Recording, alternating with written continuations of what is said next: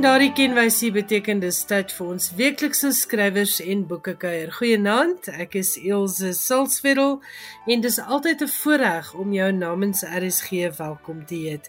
Dankie dat jy ons gekies het om jou vanaand geselskap te hou. Ek lees verlede week 'n artikel oor die rol van fiksie in kinders se lewens en ek lees 'n paragraaf raak wat weer opnuut die wonderlike mag van boeke onderstreep.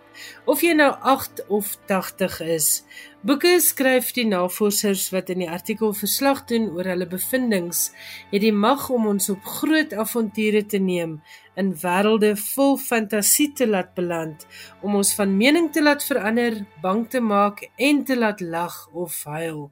Nou ja, 'n uitstekende opsomming en ek dink vir my en ook dalk vir julle in hierdie tye waarin ons ons bevind, is die groot towerkrag van boeke dat dit ons van die werklikheid om ons kan laat vergeet. Alles is dit ook net vir 'n klein rukkie en ons kan wegvoer na ander wêrelde. Dit kan ons laat reis byvoorbeeld.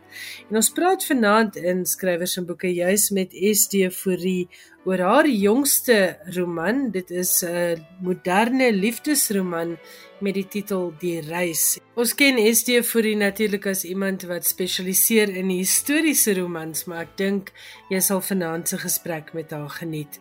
Phyllis Green, Sari se boekredakteur, verwys ook in haar gesprek na hierdie ontsnapping van die werklikheid wanneer sy gesels oor vier Engelse boeke wat sy onlangs gelees het en vir luisteraars kan aanbeveel. Dan gesels ek ook met Ingeborg Pelser. Sy is die programdirekteur van die Franshoek Literary Festival wat hierdie Vrydag tot Sondag in Franshoek plaasvind. Nou ja, ek hoop jy is lekker warm waar jy ook al vanaand na RSG luister. Geniet die program.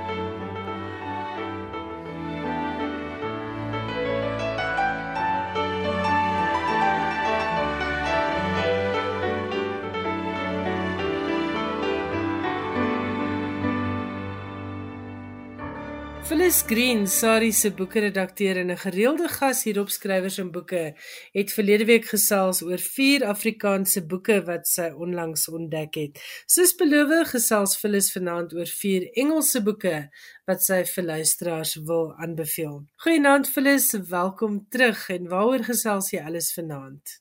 Hallo Ilse en ehm um, dis heerlik om weer saam te kuier. Vanaand wil ek so 'n bietjie gesels oor Engelse boeke wat ek gelees het. Ek's altyd nuuskierig om te sien wat in ons plaaslike Engelse boekemark aangaan. Ehm um, en dan wil ek sien hoe weeg ons skrywers op teen die massa oorseese skrywers wat ons in die boekwinkels aantref.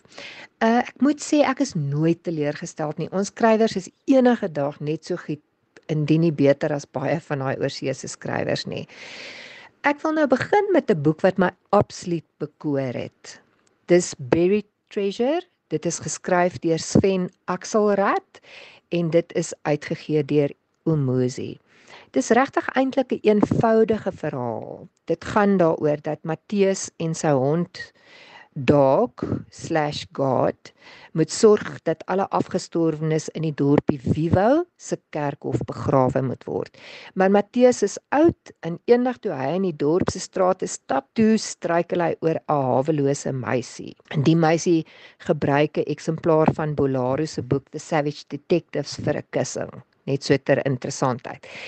Op die ingewing van die oomblik stel hy Novo, die meisie, as sy vakleerling aan sy het net mooi saam met hom daar by die kerkhof aangekom. Toe gaan Matteus dood en Nova moet die kerkhof en alles wat daar gebeur moet sy nou sorg dat dit nou moet gebeur. Die lekker stuk van hierdie storie of die interessante stuk is is dat die geeste kan praat en hulle praat inderdaad met Nova. Hulle vertel vir haar dat hulle is baie ontevrede want hulle kan nie tot rus te kom nie. Hulle is almal in die verkeerde grafte begrawe. Nou hoe het dit nou gebeur? Matteus was disleksies en sy notas en van die registers wat hy gehou het waarin hy opgeskryf het wie waar begrawe word en waar mense toe nou eintlik in die begrafplaas begrawe is, is is agterste voor om weens hierdie disleksie van hom. So dit alles klink baie vreemd, maar eintlik is die verhaal se essens identiteit en hoe dit is om 'n naam te hê en wat jy doen om daai naam gestand te doen. Uh Sven Axelrad gebruik 'n verteller wat jou inlei in al die karakters se geheime. Ek wil nou nie meer oor die storie weggee nie want ek ek sal graag wil hê mense moet dit self lees. Die boek is lieflik filosofies geskryf. Dis gevul met nostalgie oor alles wat ons in die samelewing verloor het sonder dat dit soppie en sentimenteel word. Ek kan dit regtig aanbeveel vir enige een wat wat daarvan hou om iets buite die gewone te lees. Die boek het my regtig bekoor. So dit is Buried Treasure en dis deur Sven Axelrad en dis uitgegee deur Umuzi. En dan het jy 'n verrassing op jou lysie. Dit is 'n Suid-Afrikaanse skrywer wat groot aanhang in Brittanje geniet. Wie is sy?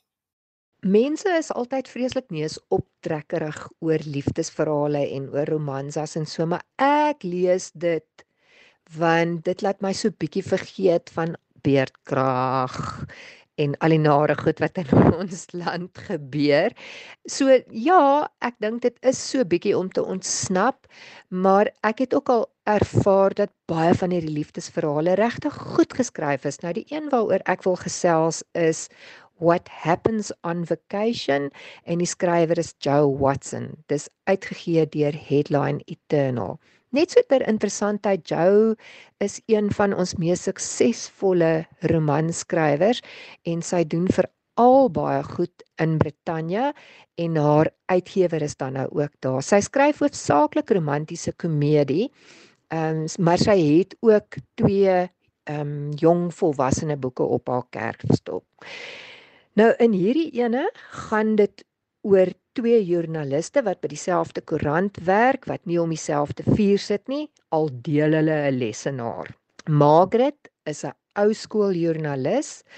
Sy's baie ernstig en gefokus en sy skryf ook meestal oor ernstige sake soos die politiek en um, onderwys en sulke tipe goed. Dan is daar nou Jagger Willen. Hy is nou die teenpool van Margaret. Hy doen dan nou ook daardie tipe stories wat Margaret as clickbait afmaak, want sy dink sy stories is oppervlakkig. Hy gaan toets allerhande goed en dan skryf hy oor sy ervaring van hierdie toets wat hy gedoen het. Nou een daarvan is soos om sy hare te gaan sny by 'n barbier wat die swakste resensie ooit by 'n kliënt gekry het. Elke jaar het die koerant waar hulle werk 'n vasvra kompetisie by hulle jaarlikse party in Margaret omdat sy so fenominale algemene kennis het, wen tot haar kollegas se irritasie altyd die prys. Nou hierdie jaar is daar 'n vakansie in Zanzibar op die spel en Margaret is desperaat om dit te wen want sy voel sy verdien na die afgelope 2 jaar wat wat daar allerhande goed in haar lewe verkeerd gegaan het en trauma wat sy ervaar het verdien sy hierdie vakansie. Sy is geskei, so sy daai trauma van 'n egskeiding, sy het teruggetrek na haar ouerhuis want haar pa het siek geword. Sy moes help om hom te versorg en hy is tydens die COVID-19 pandemie toe nou ook oorlede. So so sy is desperaat om hierdie vakansie te wen. Nou hier kom die verrassing. Jagger is toe nou Margaret se grootste kompetisie by die vasvra en hy wen toe nou ook die kompetisie maar op 'n tegniese punt. So Margaret was ook eintlik 'n wenner. Nou ja, dan moet hulle die prys deel en so beland Jagger en sy pa en Margaret en haar ma in Zanzibar op 'n gedeelde vakansie. Nou daar dans die poppe behoorlik. So dis so 'n lekker ligte verhaal wat jou laat ontsnap. Ehm um, En wat ook vir jou meevoer na Zanzibar want die agtergrond wat word baie mooi beskryf. So ek wil ook net sê al is die verhaal baie lig en vermaaklik en vol romanse roer jou regtig ook ernstige kwessies aan soos hoe 'n karakter geaffekteer word wanneer hulle 'n ouer verloor, dating na egskeiding en allerlei ander goed soos die veranderende media toneel Uh, en so so dit wys vir jou net weer dat liefdesverhale nie eintlik vlak gevat moet word nie. So what happens on vacation dear Joe Watson is 'n lieflike verhaal wat ek regtig kan aanbeveel vir enige een wat hou van liefdeskomedies, romantiese komedie en ook van reis. Phyllis Green het gesels oor Joe Watson se What Happens on Vacation. Dit speel gedeeltelik in Suid-Afrika af en word plaaslik versprei deur Jonathan Bull. Phyllis, volgende op jou lysie is 'n baie besonderse outobiografie. Ilse, soos jy weet, het ek 'n geweldige belangstelling in fotografie, so ek is altyd nuuskierig as daar 'n biografie of 'n outobiografie verskyn van iemand wat in die fotografie betrokke is. So Greg de Tooy is een van ons voorste wildlewe fotograwe. Sy boek se naam is Wilderness Dreaming en dit is uitgegee deur HBH Publishing. Hy is 'n interessante baie interessante karakter want hy skryf in hierdie boek sy memoir, Memoir of a Wildlife Photographer. Greg was nooit 'n ywerige skoolier nie. Hy het baie meer belang gestel in die veld en in die voëls. Uh en hy het ook natuurlik by natuurlewe klubs ehm um, aangesluit as jongeling en sy vrye tyd so besteer en toe hy 18 word en uit die skool uitgaan het hy onmiddellik bos toe gegaan om homself te bekwam as 'n natuurbewaarder. Nou hy vertel regtig baie boeiend hoe hard hy moes werk um, en hoe ma, hoe hoe baie mense eintlik dink dit is 'n geweldige romantiese beroep maar dat hulle nie altyd realisties is oor wat dit verg om so alleen in die veld te werk nie. Aanvanklik het hy as veldwerker net gewerk, maar deur sy lewe in die veld het hy al hoe meer begin belangstel in fotografie en hy deel dan nou ook in die boek alles van hoe hy sy vaardighede geslyp het om vandag een van ons voorste natuurfotograwe te wees. Die staaltjies wat hy vertel boeie mens werklik. Ek gaan die voorblad van die boek beskryf. As jy in 'n watergat sit en jy kyk op die ooglyn, dan is daar reg voor jou twee leeu wyfies wat besig is om te drink. So jy kyk reg in daai leeu wyfie se oë in. Nou Greg vertel die verhaal van wat dit hom geneem het om hierdie uitmuntende foto vir die omslag te neem. Greg het letterlik vir maande elke dag voor eerste lig binne in daai watergat gaan sit en gewag vir die leeu's om te kom drink. En dis nou regtig vir my opoffering en deursettingsvermoë. Ek kan daai storie nie so mooi vertel soos wat hy dit skryf nie. In die proses het hy sy gesondheid benadeel want hy het 'n kiem opgetel wat in die water was. Dit is in sy bloedstroom en hy sukkel eintlik vandag nog ehm um, so bietjie daarmee. Ek sou sê die boek is vir natuurliefhebbers eerste, maar ook vir enige een wat net graag oor 'n fascinerende mens wil lees. En dan natuurlik voornemende natuurlewe fotograwe sal vreeslik baie wenke en praktiese, regtig praktiese wenke in die boek kry want hy verduidelik die fotografieproses op 'n baie verstaanbare manier. Greg het begin werk in die tyd toe mense nog op film geskiet het en hy het ook die oorgang na digitaal gemaak. Vandag is hy 'n safari gids en hy bied ook fotografiese werkswinkels in verskillende dele van die van die wêreld af. So Wilderness Dreaming deur Greg de Tooy uitgegee deur HBH Publishing is 'n lieflike lees. En Phyllis die laaste boek op jou lysie. Ilse ek wil afsluit met 'n digbundel wat eintlik vir my 'n baie ongewone keuse is want ek moet bieg digbundels het nogal die vermoë om my bietjie te intimideer. Ehm um, ek dink dit kom seker maar uit my universiteitsjare waar van mens verwag is om baie diep betekenis aan gedigte wat jy bestudeer jy met diep betekenis daarin heg en en soms het ek net gevoel ek skiet 'n bietjie te kort. So ek wil praat oor What the Moon Gave. Dit is geskryf deur Christy Stein. Dis uitgegee deur Andrews McMeel Publishing wat hierdie digbundel vir my baie anders te maak is dis net so toeganklik en Christie skryf oor goed wat ek dink mense regtig sal hulle sal verstaan en hulle sal kan hulle they'll be able to relate as ek dit so kan stel. Christie is baie interessant sy het kuns en teater studeer en sy het op sosiale media 'n massiewe aanhang vir haarself geskep deur haar poesie. Ehm um, sy het meer as 1.7 miljoen aanhangers op TikTok. Nou ek dink dit wil nogal gedoen wees om dit met jou poesie reg te kry. In die video sê sy dan nou ook haar gedigte op. Ek dink baie vroue sal hierdie gedigte kan verstaan want Christie skryf oor eie identiteit. Sy skryf oor selfliefde. Sy skryf oor aanvaarding van jouself. So sy skryf regtig met 'n weerloosheid ook oor eensaamheid, vrees en verandering. En wanneer sy oor 'n mens se onsekerhede skryf, dan laat sy jou dink jy is nie die enigste mens op aarde wat oor hierdie goed vroeg nie. Elsje ek wil baie graag een van Christie se gedigte lees net sodat luisteraars 'n voorsmaakie kan kry van die bundel. Die gedig se naam is Cocoon Days. I am learning to love myself on unlovable days. I allow myself to go slow, choosing kindness instead of judgment. I won't hate myself for not being happy. Some days are for sadness, and when sadness comes, I expose my heart and ask her to talk. What can I do for you? You are safe here. You are safe here. I know how exhausting joy can seem. She will appear again soon without trying. There's nothing wrong with you. There is nothing wrong with you. So Christie Stein se bundel What the Moon Gave Her is iets waarna toe lesers weer en weer kan teruggaan. Net vir daai affirmasie van jy is okay, daar is ander mense soos jy. Dis regtig 'n lieflike bundel wat mens langs jou bed kan hou om weer te lees.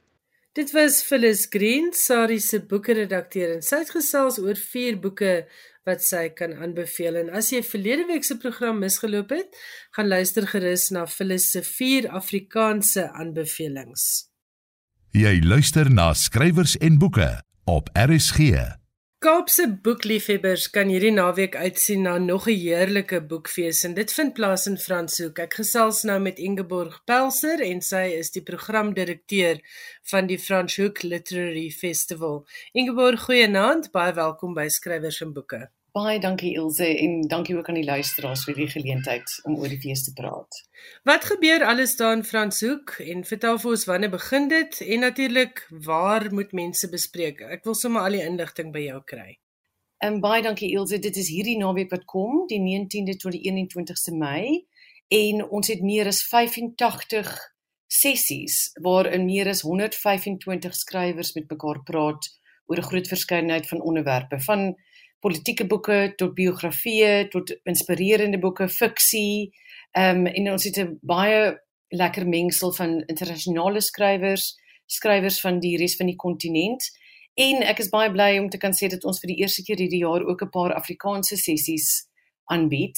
En nie net ehm um, 'n paar in Afrikaans, maar ons het ook heelwat Afrikaanse skrywers wie se boeke onlangs in Engels uitgekom het of wat oor hulle Afrikaanse boeke ook in Engels gaan praat. Ons volledige program kan gesien word op FLF, fransicliteraryfestival.co.za en alle besprekings gaan deur webtickets.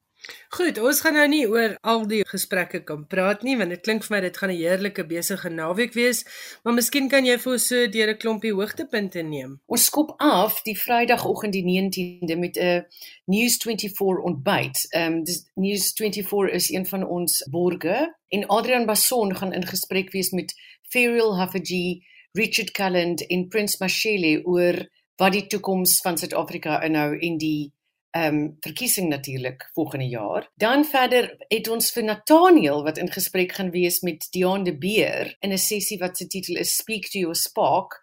Want Nathaniel is eintlik net een van ons mees bekende en populêre storievertellers en omdat ons so fokus op storie, is hy ideaal vir die fees. So hy praat 11:30 Vrydagoggend met Dion de Beer en dan het Nathaniel en Charles Du Plessis ook 'n konsert in die NG Kerk die Vrydag aand wanneer ons baie kan uitsien. Behalwe daarvoor het ons Melanie Verwoerd wat praat oor haar onlangse boek oor ehm um, wat sy alles deurgegaan het met haar onlangse hysterektomie. Ons het mense soos Adrian Potgieter wat 'n boek geskryf het oor Sheila Cousins want ehm um, ons vier die Sheila Cousins 100 jaar gedenkjaar hierdie jaar en hy is in gesprek met Amanda Botha oor die Jungiaanse invloed in Sheila se werk en kuns. Ons het Antjie Krog wat in gesprek gaan wees met Dominique Botha oor die Engelse vertaling van haar boek Plunder wat ook uitgekom het Pillage en ek is seker jou luisteraars weet dat Antjie vir die derde keer in 'n ry die Hertzogprys gekry het vir Plunder wat wat ongelooflik is. Ons het ook weer hierdie jaar vir Herman Late gaan, ehm um, wat gaan praat oor sy kontroversiële memoir Hoerkind wat ook later die jaar in Engels gaan verskyn. Hy's in gesprek met Melinda Ferguson ook oor haar eie boek Bamboozled. En verder het ons Rachel Joyce wat kom van Engeland af. Sy het 'n baie populêre trilogie geskryf, The Unlikely Pilgrimage of Harold Fry. En die film kom actually hierdie maand uit in Suid-Afrika. Wonderlike fliek ja, om na uit te sien, hè? Absoluut. En en dis wonderlik die die derde boek in daai trilogie het so 'n maand gelede verskyn. So sy gaan in 3 gesprekke wees behalwe oor haar eie werk, is daar 'n interessante gesprek waarin sy gaan wees met die titel Why Fiction? Wat gaan oor hoekom skryf ons fiksie en wat is die belangrike rol wat fiksie speel in ons lewens en in die samelewing? Daar is Rachel Joyce in gesprek met Gail Schimmel wat die gesprek lei en Maggie Offord en Suni Yati. Ons het ook vir Johnny Steinberg wat ook 'n baie kontroversiële boek actually launch by die fees oor die verhouding tussen Winnie en Nelson Mandela. Dit word internasionaal vrygestel 'n paar dae voor die fees, so dit is die eerste keer wat daar um, hy gaan verskyn by die fees en wat dit beskikbaar gaan wees by die fees. So dit is groot nuus. Ehm um, hy's ook in twee sessies met Joanne Joseph wat hom interview in Glu Nipa Mukuna van Wiser wat hom interview. En dan het ons heelwat ander mense soos so Sicily Kamalu wat se nuwe boek Milk the Beloved Country uitgekom het. Ons het ook Pai Pacific Caballero Uwasa wat daai ongelooflike storie het van hoe hy 'n refugee was van Rwanda. Hy was eintlik 'n sekuriteitswag in Kaapstad en kry toe op die ou en die Rhodes Scholarship en het nou 'n ongelooflike suksesvolle besigheid. Ons het ook mense soos Royal Levitt wat praat oor sy ervarings met die Coin Rock skandaal. Ons het John Matham wat hom ehm, 'n um, onderhoud met hom voer. Ons het Bruce Whitfield wat in gesprek gaan wees met Whitey Basson. Bruce Whitfield gaan ook in gesprek wees met Michael Cardo oor 'n nuwe boek oor um, Harry Oppenheimer. So dit is regtig iets vir almal. Die politiek doen altyd baie goed by die fees. So ons het weer vir mense soos Hermie Kronee wat by die NPA was tot 'n jaar gelede sy's in gesprek met Pieter Tooi oor sy boek BEE e Billionaires en met Feral Hafaji oor haar boek Days of Zondo. So ons gaan van ligte lekker leesboeke tot taamlike ernstige boeke en ook Andre de Ruyter gaan virtueel deelneem waar 'n gesprek gaan wees met Carl Cohen oor Carl se boek Sabotage. Ja, Andre is so baie in die nuus en natuurlik wil ons almal hoor wat hy te sê het veral met die onlangse verwikkelinge. Sabotage is 'n uitstekende boek en ek dink is 'n wonderlike gesprek om in in hierdie tye te hê waar ons almal letterlik in die donker sit by tye. Presies, presies. So ons probeer ook juis om die Afrikaanse mark te lok na die fees want ek weet gewoonlik gaan meestal mense van Stellenbosch en die Parel na die Woordfees wat natuurlik 'n wonderlike fees is, maar dis is eers in Oktober hierdie jaar. So hierdie is 'n lekker uitstappie waar mense 'n mengsel van sessies in Afrikaans kan hoor. O, skus, ek moet nog sê ons het 'n uh, wonderlike sessie met die titel van Bloedhonde, um, met Irma Venter en Rudy van Rensburg. Hulle gaan ook in gesprek wees Vrydag die 19de met Jonathan Amit oor ehm um, hulle thriller skryfwerk en wat mense ook in die toekoms van hulle kan verwag. Dit klink na 'n heerlike program. Ek was nog nooit by die Franschhoek Literary Festival nie. Hoe werk julle gesprekke? Is dit in verskillende venues of ehm um, hoe loop die naweek? Ja, so ons het ons gebruik sewe verskillende lokale, dan van die NG Kerk tot die NG Kerk se se saal tot skole, uh ehm um, die hoërskool se saal gebruik ons ons gebruik die Congregational Church, die Hospice Hall. So dis daar's 'n heerlike atmosfeer juis omdat dit oral oor die middedorp versprei is. Elke sessie hou 'n uur lank aan. Dit gaan 45 minute lank wees elke sessie en dan is daar 15 minute vir vrae. So dis maar 'n baie informele gespreksformaat. En ons het veral met COVID gesien laas jaar dat dit werk baie goed om veral internasionale skrywers wat nie noodwendig hierheen kan reis nie om hulle op 'n virtuele platform te hê. So ons het dan twee groot TV-skerms waar ons ehm um, hulle live op 'n live feed het so so daar's nog steeds 'n in persoon fasiliteerder wat die gesprek hanteer en dan is die skrywers op die skerm en dit werk ongelooflik goed. So ons het heelwat mense wat so gaan deelneem soos Maddie Mortimer, uh, sy het ook um, haar boek The, the Maps of Our Spectacular Bodies is onlangs um, genomineer vir die uh, Booker Longlist. Sy gaan so deelneem. Ons het 'n wonderlike skrywer, um, ook Heather Clark wat praat oor Sylvia Plath. Sy het 'n um, boek geskryf juis om te praat oor die mite van Sylvia Plath en almal fokus altyd net op Sylvia Plath se dood en ehm um, gaan nie noodwendig in diepte in die res van haar lewe in nie.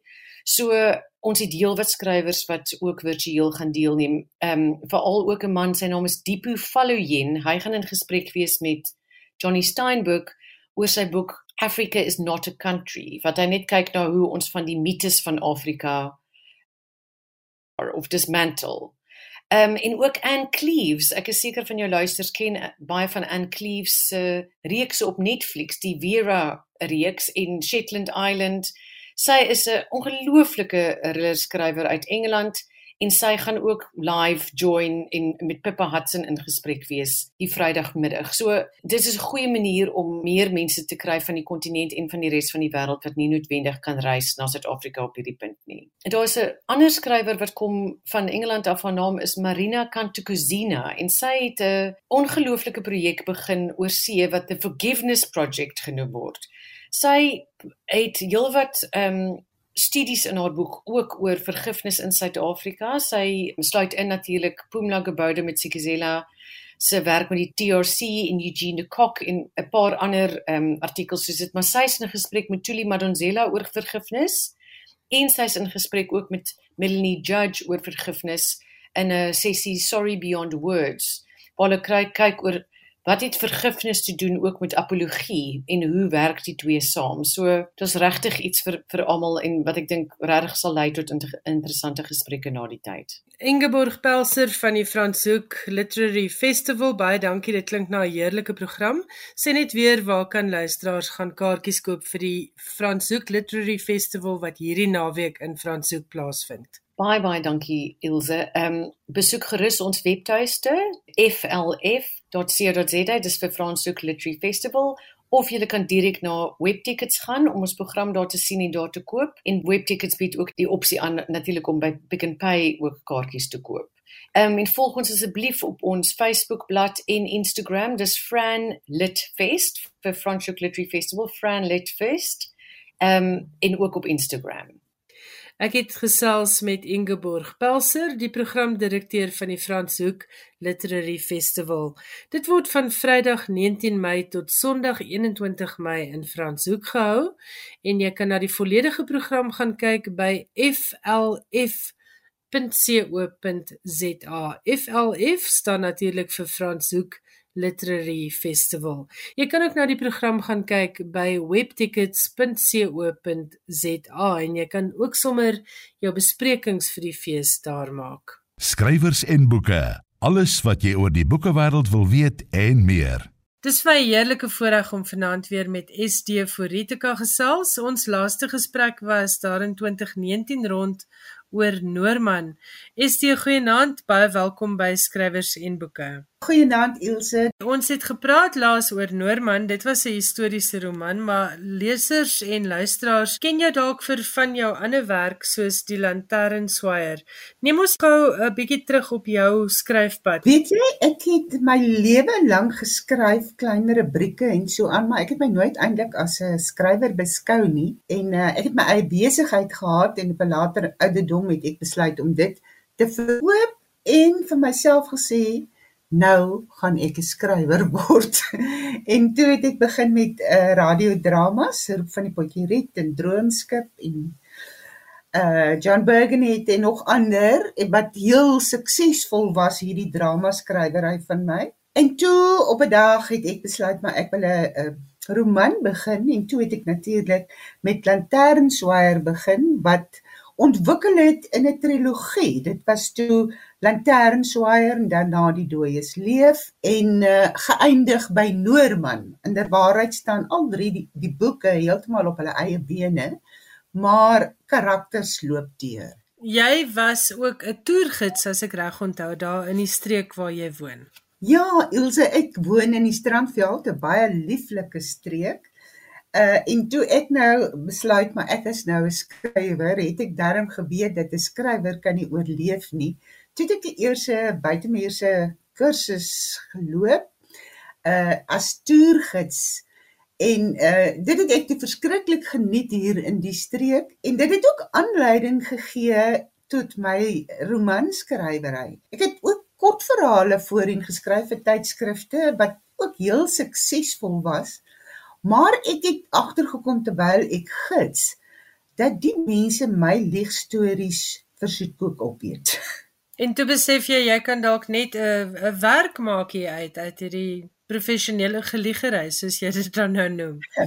Ja, dit is inderwaarheid wat ek doen, die professionele geliegery, alhoewel ek baie baie gesteld is dat die historiese agtergrond korrek is. Dit het ek ook met my gidsery geleer. Mens kan nie 'n pot vol strooi aan mense verkoop nie. So die agtergrond van al my boeke, die eerste 3 is absoluut histories korrek en dan het ek rondom dit het ek dan 'n fiktiewe verhaal geweef. Goed, jou jongste boek, Die Reis, is 'n boek wat 'n mens plek plek laat voel, maar is hierdie nie dalk Esteforie se eie storie nie. Nou ons gaan nou-nou praat oor die ooreenkomste tussen jou karakter Marisa en jou eie lewe, maar dit speel weer eens af um, in die wêreld wat jy nou beskryf vir die wêreld van iemand wat belangstel in geskiedenis, wat 'n streekse geskiedenis baie goed ken. Marisa is 'n bekende historiese romanskrywer, maar sy verloor haar woorde nadat 'n brand haar huis byna in puin gelê het. Haar man sterf en 'n ruk later, 'n jaar later ook haar Jack Russell wat haar getroue metgesel was vir 16 jaar. Dan ontmoet Marisa met 'n kleindogter se ingryping 'n professor Nou hy is 'n professor as ek nou reg onthou in um in argeologie, nou uh, is dit antieke kultuur. Antieke kultuur. Um so hulle het raakpunte in hulle belangstellings in geskiedenis en hy sê vir kom ons gaan bietjie Galagadi toe om te gaan kyk as dit gereën het, wildvreemde man. Maar haar kleindogter sê ouma jy kan hom vertrou en dan gaan hierdie twee op 'n reis. Hulle enigste kontrak as dit ware is dat sy moet vir hom die storie rondom 'n spesifieke heldin wat in 'n skeepswrak uh die enigste oorlewende was. Sy moet daai storie vir hom vertel. Hy wys vir haar die Galagadi en hooplik kom sy weer aan die skryf. Vertel vir ons 'n bietjie van die prikkel vir hierdie verhaal. Dis my eerste vraag. En dan natuurlik my tweede vraag, is daar enige ooreenkomste met jou eie lewe in hierdie boek? Goed, die prikkel vir hierdie verhaal was inderwaarheid weer histories. Lizzie Ross uh, wat in die boek nou 'n rol speel, nie 'n groot rol nie, maar dit dit is 'n storie waarin Joubert in belangstel. Het ek in 'n drama gebruik. Lotsbestemming was die drama se naam. En ek het altyd gevoel ek skuld vir Lizzie meer as net 'n uur lange drama. Sy het my baie geïnteresseer. So ek kon haar in die reis inwerk. Dit was prikkel, maar nie die totale prikkel nie, want soos jy tereg gesê het, uh, daar is nogal ooreenkomste met Marisa en Estifurie. My man is oorlede en my huis het gedeeltelik afgebrand en my Jack Russell is dood. En ek het ook gesukkel om te kan skryf. En toe ek nou voor die rekenaar gaan sit en besluit ek kan Lissy Ross se verhaal skryf, maar hoe begin ek nou? 'n Mens kan nie sommer net inval met Lizzie is dood nie en dis al wat dit is. En ek bedoel 'n mens kan nie net 'n storie skryf oor 'n vrou wat tragies doodgaan nie. Ek sukkel met daai leë wit blad sindroom of dan die leë skerm sindroom. Toe skryf ek die eerste 5 bladsye oor wie is Marisa en dit is toe inderwaarheid is die se eie geskiedenis, maar ek dink toe as ek skryf oor wat ek ken, gaan ek makliker verder kom. Ek kan dit mos altyd weer net delete. Dis mos eenvoudig om daai knoppie te druk. Toe ontwikkel die storie daarvolgens. Toe ek eh, verder gaan, toe die woorde nou begin loop, toe besef ek maar elke vrou het 'n storie. Elke vrou wat middeljarig is of selfs ouer, het 'n storie. Hoe het haar lewe ontwikkel? En ook het ek gedink, wat is verkeerd met twee ouer helde in 'n boek, 'n heldin en 'n held? Want hulle het dieselfde gevoelens as baie jong mense. Hulle raak eensaam, hulle raak verlief. Hulle het 'n tekort aan geselskap en toe is Joubert is wat ek noem 'n papierpop, want ek skryf my karakters op groot velle papier uit en Joubert was letterlik 'n man wat ek geskep het. Hy het geen verwysing na enige iemand nie. So ek het vir Joubert gekry en toe net daar het is die furie gesterf en Marisa is gebore en ek het hierdie twee karakters rondom hulle gewerk en natuurlik ander wat later te voorskyn kom. So enige verwysings na jou eie lewe eindig op 'n spesifieke punt en dan neem fiksie oor. Was dit vir jou lekker om op hierdie manier 'n storie te vertel want hierdie boek is heeltemal anders as jou vorige historiese romans? Ja, dit was uh, vir my was dit self 'n reis.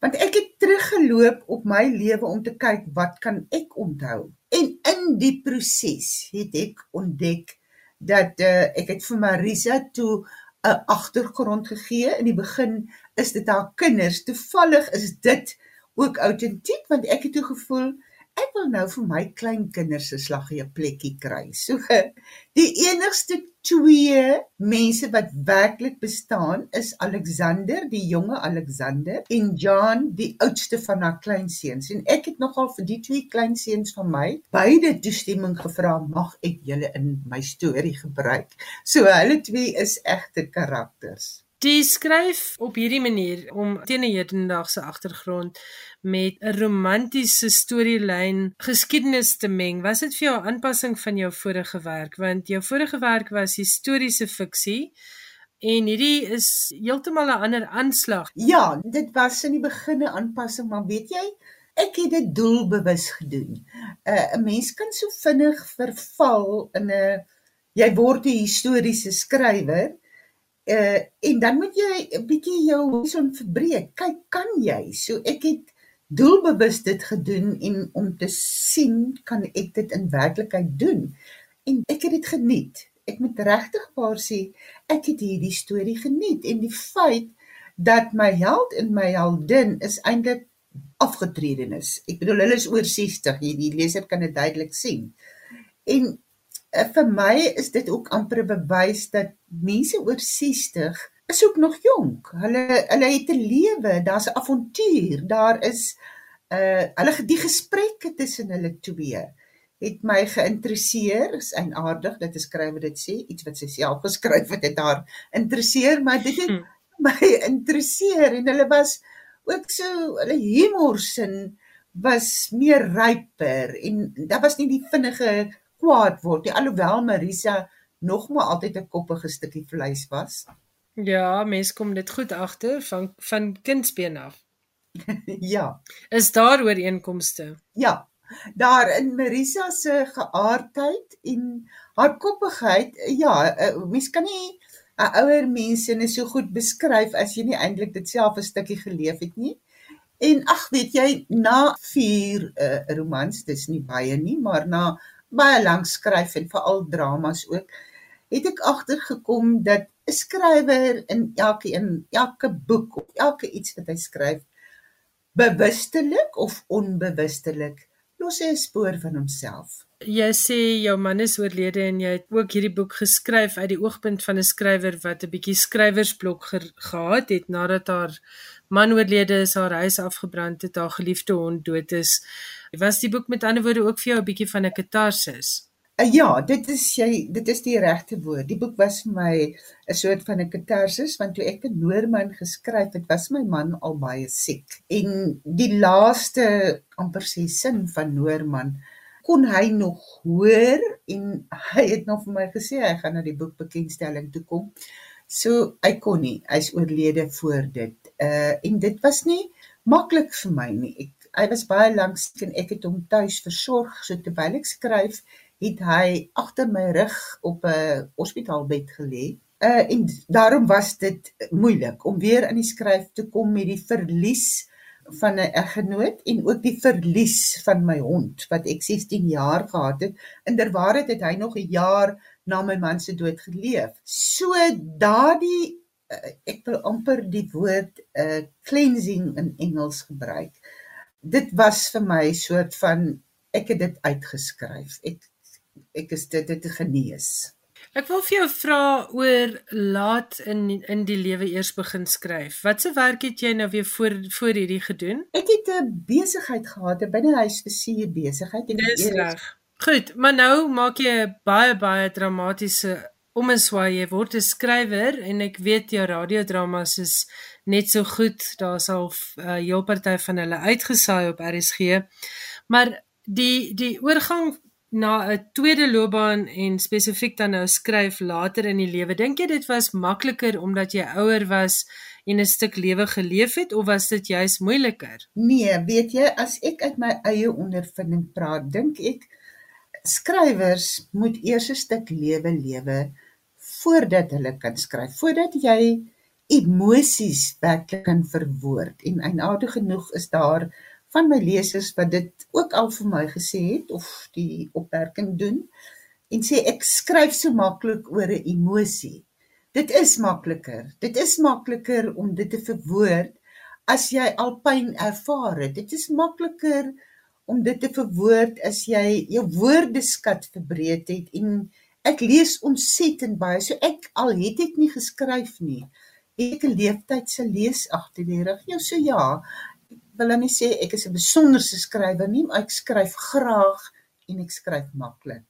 Word skryf makliker met elke publikasie en met elke radiodrama of het jy maar nog steeds um daardie selfe vrese as jy by 'n rekenaar gaan sit en wonder waar die storie vandaan gaan kom en hoe jy hom gaan laat ontwikkel? Ja, Ilse, ek is nou jammer om vir almal te sê wat moontlik wil skryf. Daai vrees bly. Daai vrees vreet aan jou die hele tyd terwyl jy skryf. Is dit goed genoeg?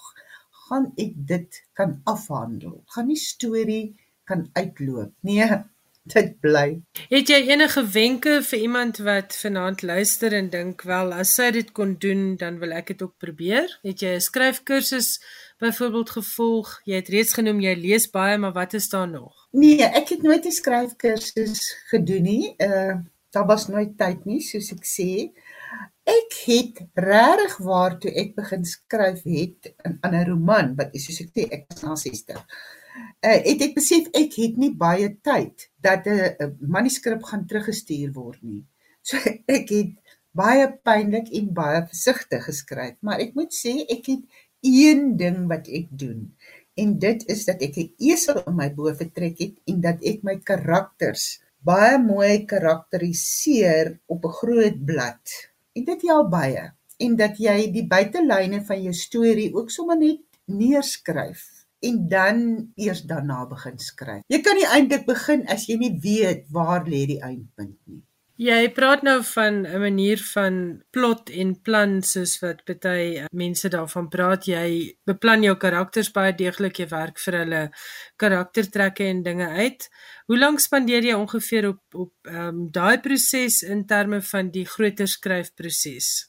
Sê net maar 'n paar weke, 'n maand, 2 maande. Weet jy ek idee begin heel soms amper 'n jaar voor die tyd. Maar eers ja, ek wil sê ek werk so 6 weke. As die esel opgaan dan weet ek ek die esel word in die motorhuis gebeere en as ek die esel opdra boontoe dan weet ek nee, hierdie hierdie storie wil gebore word. Dan is dit plus minus so 6 weke wat ek sommer net deur die huis loop. Ek het die voorreg om by die see te woon. So ek stap die meeste van my stories onders langs langs die see uit. So dis so 6 weke wat ek aan hierdie plot en plan werk. Is jy op die agterblad van die boek staan daar ook dat hierdie boek geskryf is om die universele storie van vyf geslagte vroue bietjie saam te trek. Dit is definitief 'n boek wat ek dink enige vroue leser baie sal geniet. Maar ek vind nogal aanklank by Hubert, die karakter, wonderlike man. Dink jy mans uh gaan hierdie boek lees en geniet? Wat wat s'ie terugvoer wat jy kry? Elsə, dit is baie eienaardig. Soos jy tereg sê, dit is eintlik 'n boek wat ek vir vroue geskryf het, maar ek het die wonderlike ondervinding dat mans net so uh heerlik aan hierdie boek lees. 'n Vriendin het 'n foto van haar man gestuur wat sy sê nog nooit in sy lewe 'n roman gelees het nie waar hy sit met die reis en ek kry werklik baie terugvoering van mans wat vir my sê hoe hulle die boek geniet het. Hoekom dink jy is dit so? Dink jy dis omdat Joubert um nie 'n tipiese macho held is nie, maar nogal 'n man wat sy hart redelik op sy mou dra? Ek vermoed is omdat Joubert 'n doodgewone man is. En ek dink 'n uh, middeljarige mans lees ook, maar dit is so moeilik vir hulle om te identifiseer met die karakters wat so wonderlik is dat hulle ek dink uit moedeloosheid uit die boek los en skielik hier voor hulle is 'n man soos hulle. Ja, ek dink ek dink jy slaan die spyker daar op die kop en ek dink uh die weerloosheid wat mens by albei hierdie karakters optel, die weerloosheid wat deur ouderdom veroorsaak word, maar ook die insig en die wysheid wat ouderdom bring, het van dit vir my 'n baie baie lekker lees gemaak, veral omdat die meeste helde en heldinne wat ons nog altyd in romans raak geloop het, veral in ligter verhale en populêre fiksie is maar jong, pragtige beeldskone mense met gebuitelde lywe en um ja, ongelukkig is die werklike lewe nie heeltemal so nie, né? Nee, dit is nie. Ek dink dit is juis die gewone menslikheid in hierdie boek wat spreek tot die leser en teen, teenoor beide geslagte. En so sê Estie Fourie, ons het gesels oor haar jongste roman Die Reis. Dit word uitgegee deur Protea Boeke.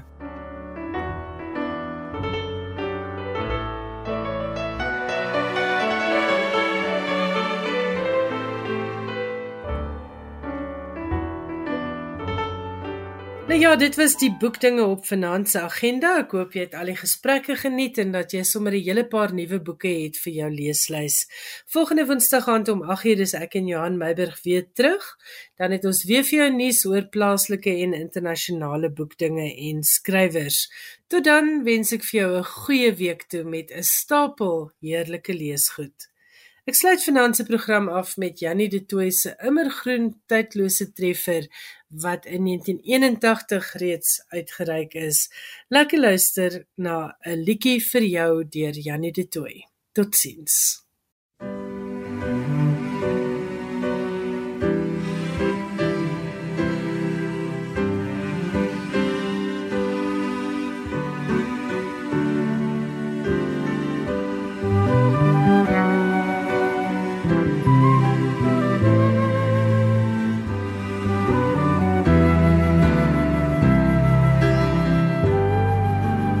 Dink vanaand aan jou en aan die wilde kus se golwe. Ek dink vanaand aan jou en aan die eindelose strand. Ek dink aan rotskastele, watervalle na benede en beeste paadjies sukkel oor die rand. En ek wens dat ek my liedjie vir jou kon sing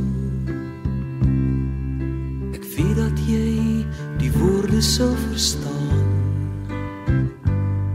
Ja, ek wens dat ek my liedjie vir jou kon sing.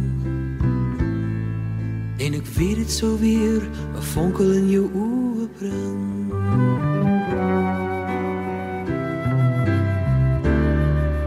Ek dink vanaand aan jou en aan die visrivier dink vanaand aan jou en aan sy kronkel kronkel kronkel. Ek dink aan stroomversnellings aan die koue winternagte. En kampvuurande op die goudgeel sand. En ek wens dat ek my liedjie vir jou kon sing. Ek weet dat jy die woorde sou verstaan Ja, ek wens dat ek my liedjie vir jou kon sing. En ek weet dit sou weer 'n vonkel in jou oë bring.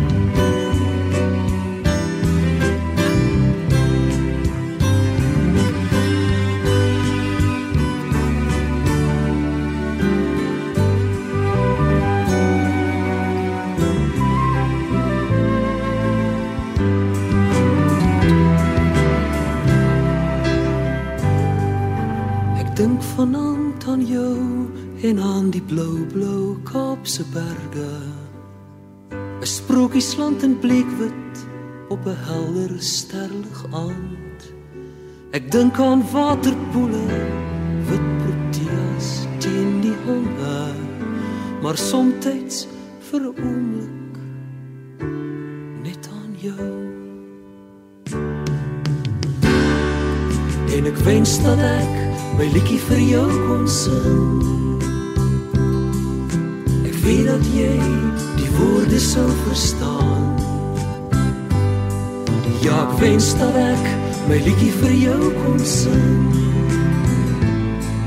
En ek weet dit sou weer 'n vonkel in jou oë bring